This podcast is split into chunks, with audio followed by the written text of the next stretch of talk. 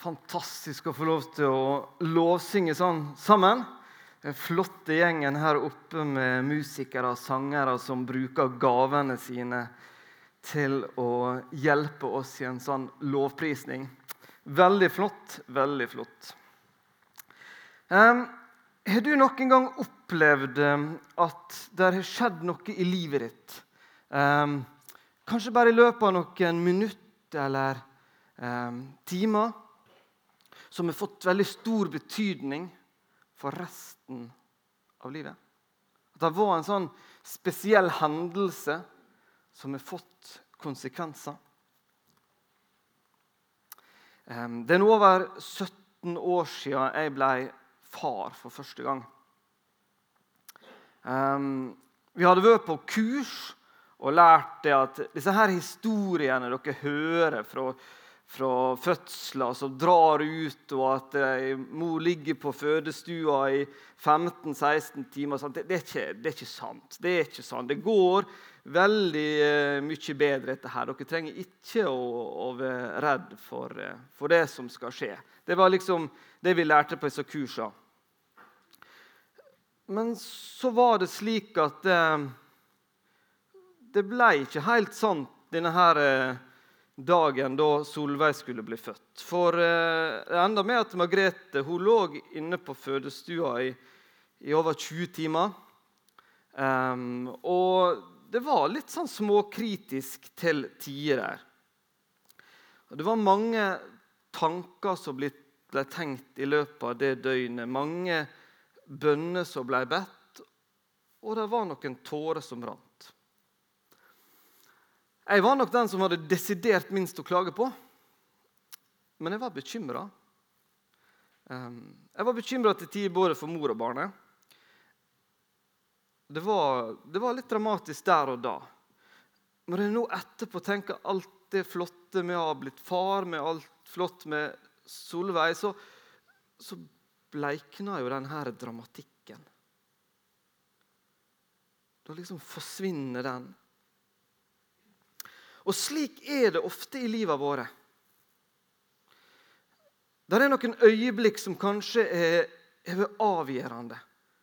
Det kan være snakk om noen bare minutter eller timer. Og så fått dette her store konsekvenser etterpå. I noen av disse situasjonene kan vi si at det, jo, det bikker heldigvis riktig vei.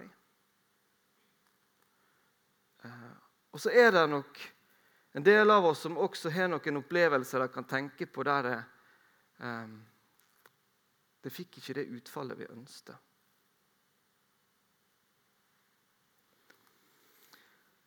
Påska er egentlig en sånn rekke med dramatiske hendelser som skjer. Som har fått veldig stor betydning etterpå fått betydning for lang, lang tid. En mann som kanskje dere, ikke, dere yngste ikke husker. Men han her, eh, Kåre Valebrokk, han var en kjent mediemann eh, når jeg var en del yngre. Han jobba både i VG, Dagens Næringsliv, og var lenge sjef i TV 2. Han sa en gang media har bare én oppgave og skjære en tynn skive av evigheten og holde den opp mot lyset. Dette sitatet har fått meg til å tenke litt mot dagens budskap og den teksten vi snart skal lese. For jeg tenker at vi som kirke har litt motsatt oppgave av det han sier er media sin oppgave. Jeg ser for meg at vi kan tenke at vi skal skjære ei tynn skive av enten det som er, eller det som har vært. Og så skal vi få lov til å holde det opp mot evigheten. Noen sånne ting i historien som har skjedd. Hva betyr det opp mot evigheten? Det er faktisk en fantastisk befrielse og nettopp skulle få lov til å se en del ting i evighetens lys. Vi skal nå lese øyeblikk det som er dagens tekst fra Lukas. Disse versene beskriver, altså, som jeg var inne på nå, noe som skjedde bare i løpet av noen timer. Men det forandra historien vår fullstendig. Alt har faktisk blitt annerledes etter denne fortellinga, det som skjedde denne morgenen. Jeg tror I dag så skal vi faktisk jeg tror vi skal reise oss, og så leser vi teksten sammen. Blir dere med på det?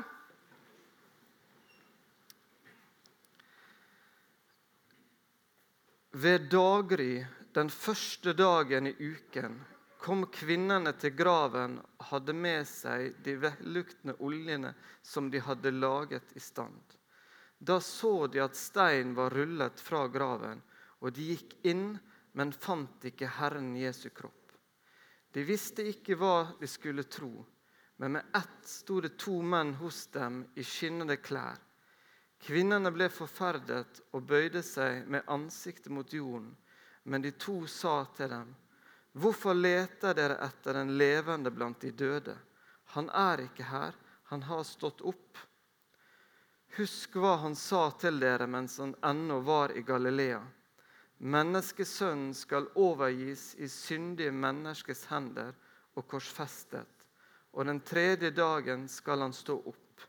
Da husket de hans ord, og de vendte tilbake fra graven og fortalte alt dette til de elleve og til de andre. Det var Maria Magdalena, Johanna og Maria, Jakobs mor, som sammen med de andre kvinnene fortalte dette til apostlene men de mente det hele var løst snakk, og trodde dem ikke. Peter sto likevel opp og løp til graven, og da han bøyde seg inn i den, så han ikke annet enn linklærne. Så gikk han hjem, fylt av undring over det som hadde hendt. Takk.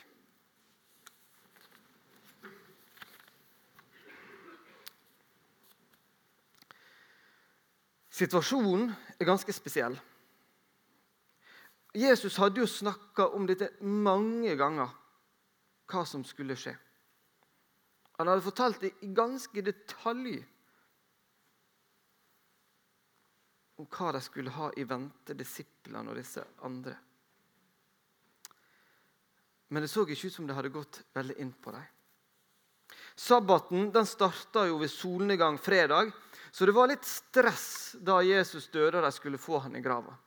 Vi leser om at Nikodemus hadde med en salve og, og smurt han inn, men de hadde nok ikke røkka å få gjort dette slik som de virkelig ønsket. Og, og disse damene de hadde nå eh, fått laga dette klart, og så fort sabbaten var over, søndag morgen, så ville de til grava for å smøre inn mer salve. Um, jeg har lyst til å å, si noen ord til, til deg som kanskje kjenner at det, du føler med disse disiplene og disse damene. At du kjenner det, det stritter litt imot. Å tro dette her budskapet og, og liksom ta inn over det at Jesus kunne dø og bli levende igjen. At han kunne stå opp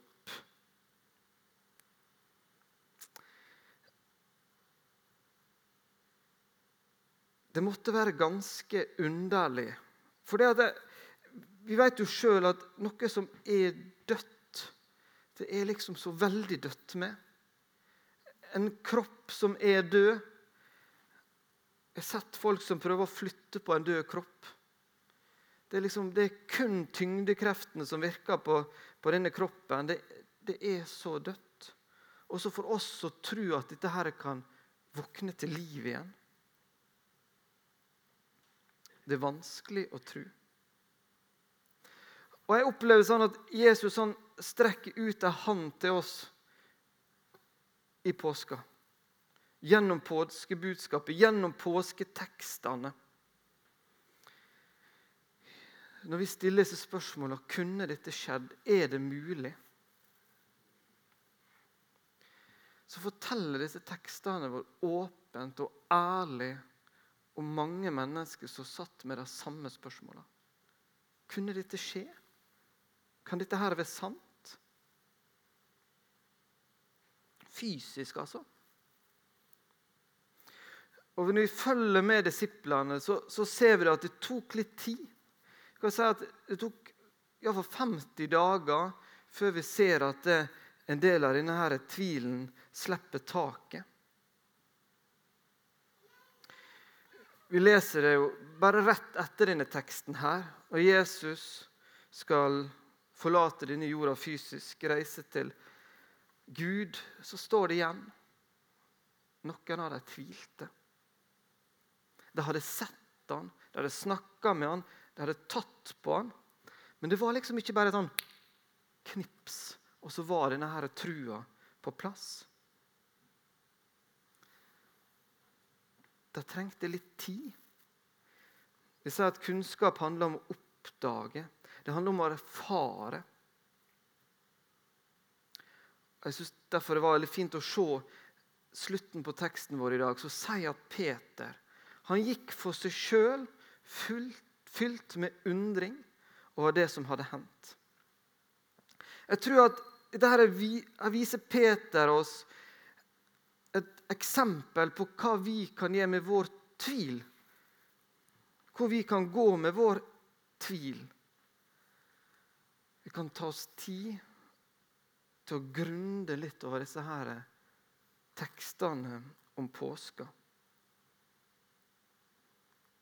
Jeg nevnte det her på, på, torsdag for dere som var her da.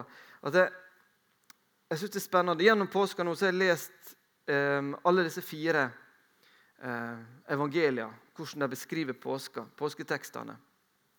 Og Det er fascinerende å se hvor mange detaljer som er tatt med. De er ulike fra de forskjellige evangeliene. Men det er tatt med en del detaljer som, som ikke hjelper oss til å, å få fram hovedpoenget.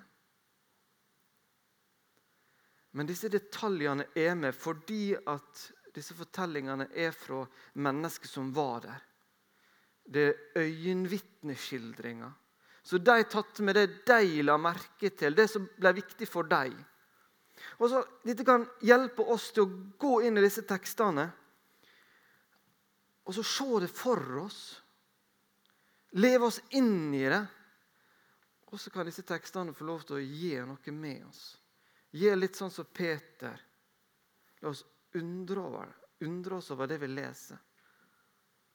Så kan det få lov til å være med og gi noe med, med trua vår. Hvis vi lar ja, kroppen vårt, hjertet vårt, hjernen vår få lov til å oppdage mer av det som står her, og samtidig leve i ei bønn om at Gud lar trua vokse i oss så tror jeg vi skal få lov til å oppleve at den tar større plass i livet vårt. Jeg la ut et bilde en dag forrige uke på Facebook-gruppa til Misjonssalen. En tekst fra Johannes 17, 26. Der Jesus, altså Det er slutten av den bønna, lang bønn som han ber før eh, påskefortellinga står der. Så avslutter han med å si at grunnen til at han er klar for å gå gjennom det som nå kommer, det er fordi at han vil ta bolig inni oss. Han vil gå ifra å være på den fysiske jorda til å ta bolig inn i mennesker. Det er det han vil. Så la disse her påsketekstene få inspirere til å, ja, til å lese. Kanskje lese uten at du, Selv om du kjenner at det, du kanskje ikke tror på det helt ennå. Så les. Og så kanskje vil det skje et lite påskeunder i de tru. så hadde jeg lyst til å si til dere i dag at kanskje, kanskje er du her i dag eh, og ikke har trodd på dette før, men ønsker i dag på første påskedag å ta imot Jesus som frelser i ditt liv. så håper jeg at du eh, kan komme fram. Så kan vi be sammen etterpå. Ta den muligheten hvis du kjenner at du er klar for det i dag.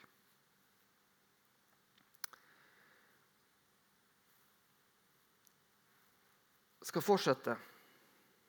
Det sto i teksten at disse kvinnene møter to menn i skinneklær. Og mennene spør dem hvorfor leter dere etter den levende blant de døde. De sier videre han er ikke her, han har stått opp.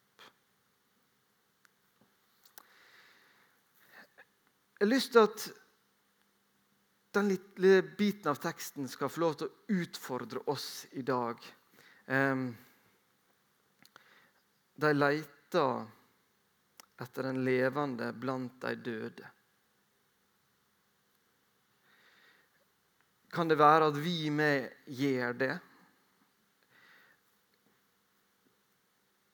Hvor mye av det som vi leste i teksten her, hvor mye av det som skjedde påskedag, preger vårt liv til daglig?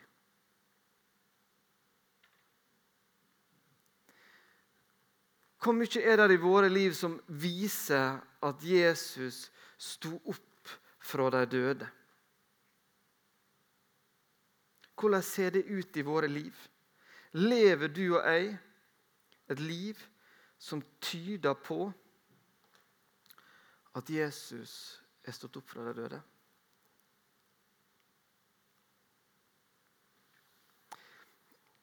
Hvis vi, hvis vi følger litt med disiplene, så ser vi at de er ganske like eh, en del av oss andre.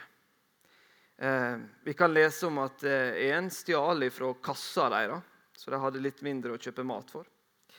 Eh, de krangler om hvem som var viktigst. De lyver når de blir satt under press. De blir fort bekymra og redde. De tviler på at Jesus kan gi under. De blir slitne. De stenger seg inne. Det var noe av det vi kan se og disiplene før Jesu oppstandelse så skjer det noe etter oppstandelsen og etter pinsedag. De slutter ikke å krangle. De slutter ikke å gjøre feil. Men, men det er likevel en forskjell i livet deres. Det som før var vanskelig, det ser ut til å ha blitt ganske mye lettere. En del av det som skremte dem før, ser ut til å ha blitt en spennende utfordring. De synger i fengsel. De taler de jødiske lederne midt imot. De står på store, anerkjente plasser og torg rundt om i Romerriket og forkynner at Jesus lever. Det er noe som er blitt viktigere for dem. Og den samme krafta som var i disse disiplene i den tida etter Jesu oppstandelse etter pinsedag, den lever i meg og deg i dag. Den bor i alle som er tatt imot Den hellige ånd. Krafta, den har ikke falma.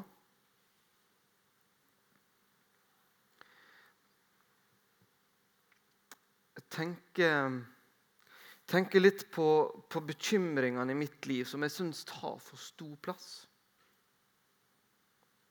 med tanke på det Jesus har gjort for meg. Har du det slik? Jeg tenker på økonomien når renta stiger. Jeg tenker på matvareprisene. Jeg tenker på sikkerheten i Europa og i verden.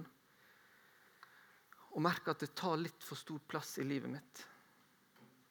Hvis jeg skal holde det opp mot evigheten. Sånn er iallfall jeg.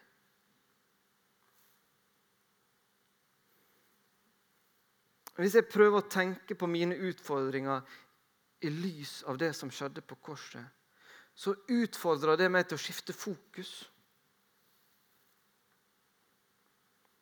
Jeg syns det er litt lite i mitt liv som vitner om det Jesus allerede har gjort for meg. Jeg lever litt som at påskebudskapet kanskje har falma litt. Henger du med på det? Kan det være at eh, du kjenner på det samme? For jeg er sikker på at denne kraften som var der, den fins. Den er i meg. Og vi kan, vi kan se det, at det, rundt omkring i verden så ser vi tydelig bevis på det. Ingeborg Roth sto her for et par uker siden og fortalte om Arbaminch i Etiopia, der tusenvis av mennesker kommer til gudstjeneste. Jeg drev misjon i det landet lenge, men fortsatt er det store mengder med folk som kommer til tru. Det skjer under i vår verden i dag. Det er kristne mennesker som opplever at det bygger seg opp et trykk her inne som blir så stort at det overvinner frykten vi møter der ute.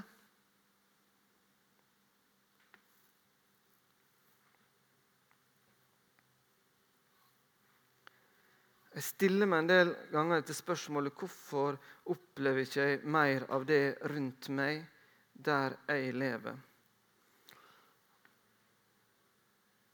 Og En av gangene jeg stilte det spørsmålet høyt, så svarte min kloke kone Jeg tror det har noe med felles forventning å gjøre. Har vi forventning til at hver dag skal denne her oppstandelseskraften vise seg i våre liv? Onsdag 8. februar Morgenandakten er ferdig på Osbury-universitetet i den lille byen Wilmore i staten Kentucky i USA.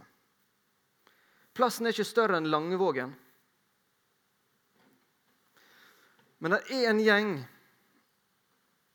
som ikke vil gå når andakta er ferdig. De har forventning til å se noe mer. De fortsetter å be og lovsynge.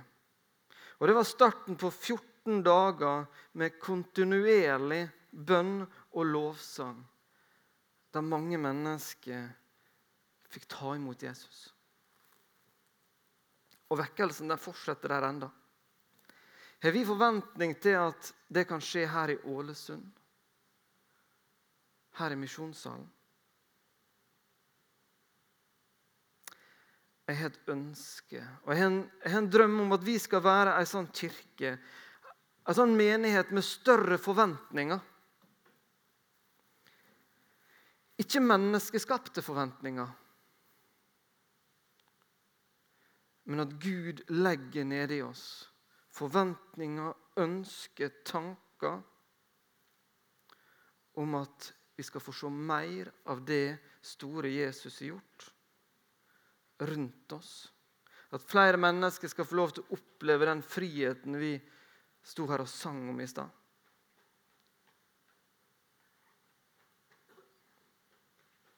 Jeg drømmer om at den åpenbaringa som vi fikk se her i starten av gudstjenesten, når lyset fylte salen vår, at det skal kunne være et bilde på det vi skal se framover. At vi har en klarere tanke om at Guds kraft den lever i oss og et ønske om at den skal få gjøre seg gjeldende gjennom oss. For Jesus han sto opp fysisk og legemlig. Og han trives best i en kropp. Nå er den kroppen din og min. Og det er oss han går rundt her i vår verden.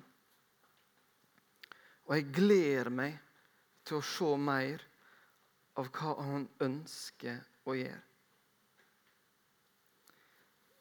Som jeg sa tidligere, så, så var det bare noen minutter eller noen timer det tok det her vi leste om i stad. Og evighetsperspektiv så blir jo det ingenting å regne sånn tidsmessig. Men det har fått enorm betydning. Og ditt og mitt liv med er forholdsvis kort i møte med evigheten. Men det kan likevel få evighetsbetydning for noen av de du lever sammen med.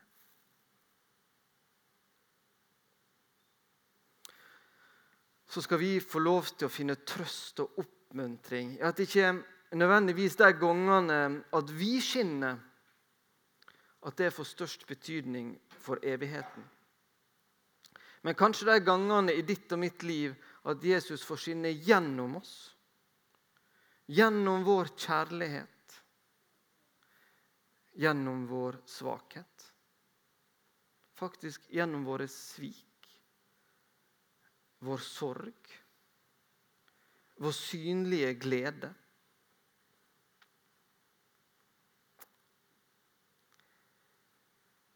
Jeg tror vi skal få lov til å ha forventning til at dette oppstandelsesunderet skal få stor betydning i våre liv videre.